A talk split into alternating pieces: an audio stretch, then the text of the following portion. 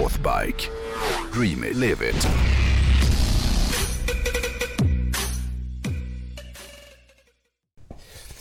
Du, det var inte jättelänge sedan jag lovade att jag inte skulle gnälla så mycket. Utan försöka bli lite mer positiv och välvilligt inställd. Det gick inget bra eller? Till tiden vi lever i. Ja, jag känner att även i dagens avsnitt av Dealen med bilen, som, eller Dealen med hojen, så, så behöver jag gnälla lite. Okej. Okay. För någon vecka sedan så gav jag ju mig på 50-talister som kör cruisers ju. Och vi har ju fått en del mail från folk som tycker att det här var kul och som höll med mig om det här. Uh, jag kan ju känna att det, jag kanske sparkade lite på en grupp som redan ligger ner. Så idag hade jag tänkt att ge mig på ett annat fenomen inom hojbranschen som kanske det inte är riktigt lika synd om. För jag tänkte nämligen ge mig på tillverkarna. Eller kanske... Ah. Alla? Du ska ge dig på alla motorcykeltillverkare? Är det det du ska göra? Ja, men det, ja, det finns hur som helst en sak som jag retar mig på med hur de stora märkena ritar sina hojar. För när jag funderar på hur många nya hojar som jag tycker är snygga så är det faktiskt förvånansvärt svårt för mig att räkna upp 10 stycken nya hojar som jag skulle vilja ha i garaget. Jag gillar ju såklart hojen jag kör nu. Jag tycker att Triumph Scrambler-modellerna, den ser väldigt bra ut. Samtidigt ah. Kan jag gilla till exempel Norton och Ducati vågar rita Scramblers som, som både är moderna och gamla på sa samma gång. Min är ju mer old school rakt igenom designmässigt. Uh, och jag kan ju tänka mig att det kanske blir lite för mycket maskerad för en del personer. Men jag gillar ju den här skarp. Men... Nya Norton Scramblen, den är ju sinne, den är ju mycket snyggare än din hoj. Ja, det vet jag inte. Men den, är, jo, den, men den blandar ju. nytt och gammalt på lite mer spännande sätt. Sen förstår jag ju att det är lätt att gå all in retro som, som Triumph har gjort. För det blir ju väldigt, väldigt bra automatiskt. Ja. Hur som helst då. Eh, när jag tittar på hur de flesta hojar som släpptes 2021 ser ut så är det ju inte många som får det att pirra till direkt. Nej. Och med tanke på hur duktiga formgivare som alla de här stora märkena förfogar över så har jag Ja, det är svårt att förstå varför designen så många gånger är så mjäkig och förutsägbar. Ja. Problemet är ju att hojtillverkarna, precis som biltillverkarna, mer och mer försöker konkurrera med varandra genom att liksom rita hojar som ska vara så lika varandra som möjligt. Eller hur? För så ja, är det ju. Helt med. Ta Suzukis den här G6 S1000, deras Naked-hoj. Den har ju inget uttryck överhuvudtaget som, som är eget. Och, och, även om det är en grym hoj säkert att köra så har den ju liksom rent utseendemässigt ingenting som, som gör att man känner att man skulle välja just den hojen. För den ser ju ut som att de liksom har plockat delar från alla konkurrenters Naked-hojar och satt ihop till en hoj. Men den har ju liksom inget eget uttryck ah, på något sätt. Ah, jag fattar att tillverkarna är försiktiga för man har liksom inte råd att, liksom chansa utan man vill bygga hojar som ska attrahera en så bred målgrupp som möjligt. Men jag tror att de tänker fel. För till skillnad från bilförare så är ju hojåkare i större utsträckning individualister. Eh, nu pratar jag inte om folk som gillar liksom hobbybilar, utan vanligt folk bara. Mm -hmm. Och jag tänker att hojen många gånger, den ska ju säga något om vem de är. Och ingen köper en hoj för att man behöver, utan hojen är i mycket större utsträckning än bilen ett nöjes eller lite så här imagegrej. Och, och, då kan man inte tänka fegt på samma sätt som bilbranschen. Mm. Och jag tror att man kan rita en spännande produkt och samtidigt nå en bred publik. Precis som med, med, allt som man uppfattar som vackert, ju vare sig det handlar om kvinnor, eller bilar, eller blommor, eller natur, vad det än är, mm. så, så, måste det, det måste finnas något unikt för att vi ska riktigt gå igång ju. Men eh, det är så otroligt få nya hojar som gör det här tycker jag. Och det här fick mig då naturligtvis att börja fundera på varför det är så. Och det är nu som jag återigen kommer bli sur och grinig. Eh, för jag kom ju tyvärr ganska snart fram till att det är inte hojtillverkarna det är fel på, utan det är människorna som ska köpa hojarna. Eh, som är anledningen till att hojarna inte är mer spännande än vad de är. Aha. För även om hojåkare är då individualister och kanske i större utsträckning än andra gör saker som går emot strömmen, så är det fortfarande så att folk är folk. Och folk har i regel ganska kass smak ju. Ja. Eller egentligen så tror jag inte att det nödvändigtvis behöver vara smaken det är fel på, men folk har ju i regel inte tillräckligt mycket självförtroende för att våga sticka ut stilmässigt, utan man trivs bra med att liksom skvalpa runt i den här slätstrukna Svenssonsoppan där alla mer eller mindre ser likadana ut. Aha. Och det här är ju inte bara något som är typiskt för Sverige, eh, för hojtillverkarna skiter ju i ett land med 10 miljoner människor. Det bor ju lika mycket folk i London som det bor i Sverige, typ ju. Ja. Utan den här lagomheten, det är ju liksom ett globalt fenomen. Eh, Men det kanske är st- som starkast i Sverige. Eh, Det, kanske, det är ju starkare här än, än i Italien till exempel. Men där ser man ju också varumärken som Lambo och MV Agusta. De, liksom, de, där sticker de ju ut med. Liksom. Ja, ja, ja. Ja, jag har hur som helst bestämt mig för att jag inte ska ägna hela podden åt att gnälla på folks stil. Eh, Men. Ja, ja, folk får väl klä sig kanske och, och köra hur fula motorcyklar de vill. Men då som sagt, eh, jag tänker att jag ska försöka ge mig på istället att titta på de olika segmenten av hojar som finns och sen kanske se om det finns något sätt som hojtillverkarna skulle kunna göra för att göra hojarna lite mer uttrycksfulla. Jag, jag kommer inte gå igenom alla typer av hojar, men jag tänkte eh, ge mig på åtminstone de vanligaste typerna. Eh, och här vill jag såklart att du kommer med egna idéer om, om du kommer på dem. Eh, om, vi, om vi börjar med äventyrshojarna då. Ja. Det här är ju ett segment eh, som växer jättemycket just nu. Ja, jag, jag tror jag såg fem stycken, alltså olika GS, Ja, det är. Africa Twin. Ja, Ja. det är helt, helt enormt. Bara nu på väg till jobbet. Ja.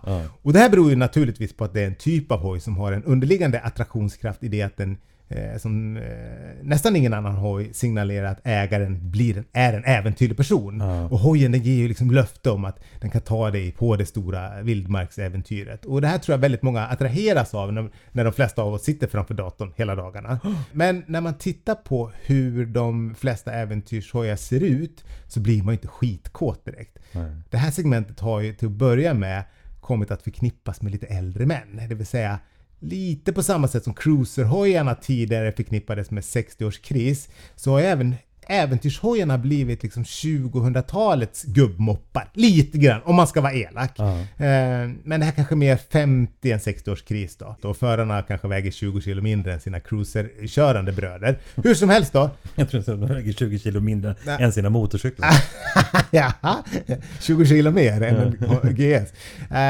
Eh, men om, du, om du tittar på nästan vilken äventyrshoj som helst rakt framifrån Ja. så ser de ju nästan allihopa ut att ha liksom samma typ av frontkåpa som en snöskoter. Ja. Och det här stör mig något djävulskt. Ja. Om ni inte fattar vad jag menar så googla 1250 GS och sen så tittar ni på en bild på en ny snöskoter så kommer ni att fatta exakt vad jag menar. De ser ut som en snöskoter fram. Ja. Och när jag tänker på att göra det stora äventyret så ser jag ju inte mig själv göra det på en hoj som ser ut som en skoter utan det finns ju naturligtvis en annan stil som jag tror mer överstämmer. Du menar att de har en övre skärm? De har en nedre skärm och så har de en övre skärm. Ja, den övre är- skärmen är, känns som en Helt- skoter, eller? Ja, ja, ja.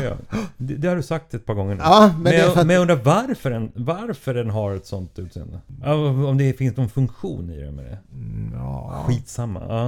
Eh, Den ful.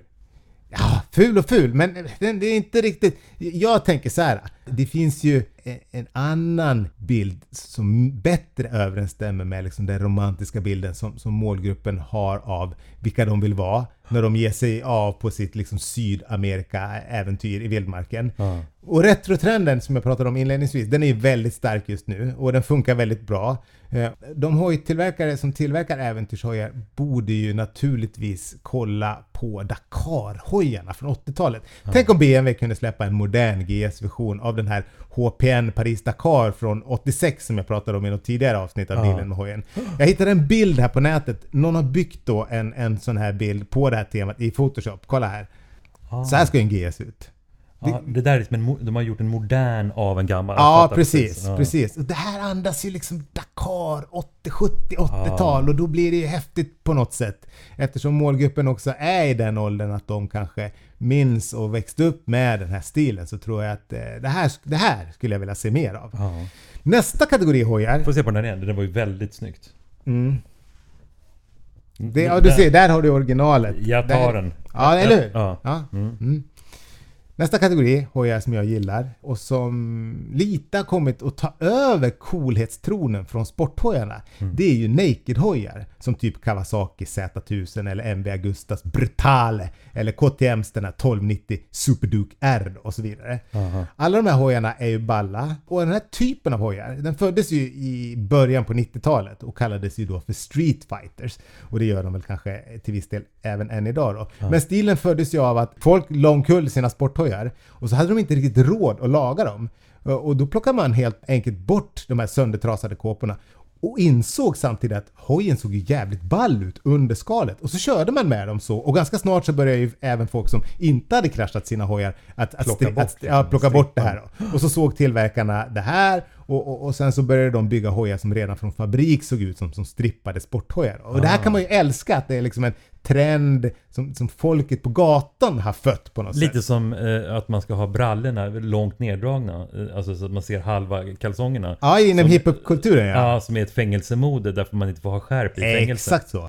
Ja, men jag tänker på de här nya eh, Naked-hojarna. Även om det finns liksom ett historiskt sporthojsarv i de här så tycker jag att man liksom inte nödvändigtvis behöver göra som tillverkarna gör idag. Det vill säga att man låter färger och grafik påminna om sporthojar. Jag tycker att den här typen av hojar har så mycket egen karaktär att man borde våga hitta nya inspirationskällor till designen. Till exempel så vore det lite ballt att göra det liksom lite mer så här framtidspostapokalyptiskt på något sätt. Alltså Ja. man, man blandar liksom Blade Runner med Mad Max. Skulle inte det vara lite coolt? Ah. Du förstår hur jag tänker va? För nu är det fortfarande i färg och form eh, väldigt mycket sporthoj liksom. Men jag Fan, skulle... borde inte Max hamburgerkedja göra en, en, En Mad Max-kampanj? Max-burgare. Ja, en Mad Max-burgare. Ja, just det. Som är helt Tänk, crazy. är det för att du är bakis så, så Ja, jag blev så den? jävla hungrig Ah. när, du sa, när du sa Mad Max och så började jag direkt tänka på hamburgare. Ja. Okej, vi, vi lämnar eh, Naked-hojarna. Eh, Cruiser-hojarna då. Eh, det är ju en stil som kanske mer än någon stil behöver ändras om den ska överleva överhuvudtaget.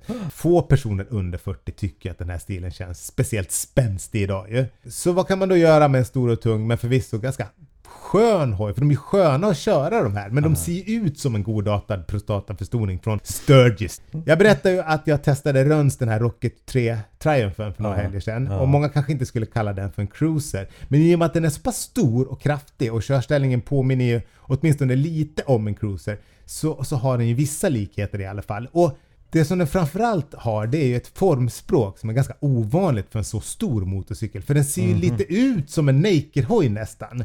Och jag tror att det finns något här som man liksom skulle kunna bygga vidare på. Det vill säga att man bygger en cruiserhoj som har ganska mycket mer sportigt utseende än vad de har idag och att man kompletterar det med att också ge den en utväxling som gör att de är liksom snabbare iväg från rödljusen. Eh, Det skulle kunna bli en ny kategori som kanske eventuellt skulle kunna attrahera en ny målgrupp. Och om den dessutom då går på el, då har vi helt plötsligt uppfunnit ett helt nytt segment. För tycker man vad man vill om cruisers, men de är ju otroligt sköna att köra. Jag vet inte, cruisers är svårt, men det finns någonting här, det vill säga att gifta estetiken från, från dagens naked-hojar med eh, liksom cruiser-körställningen på något sätt, sittställningen. Jag vet inte.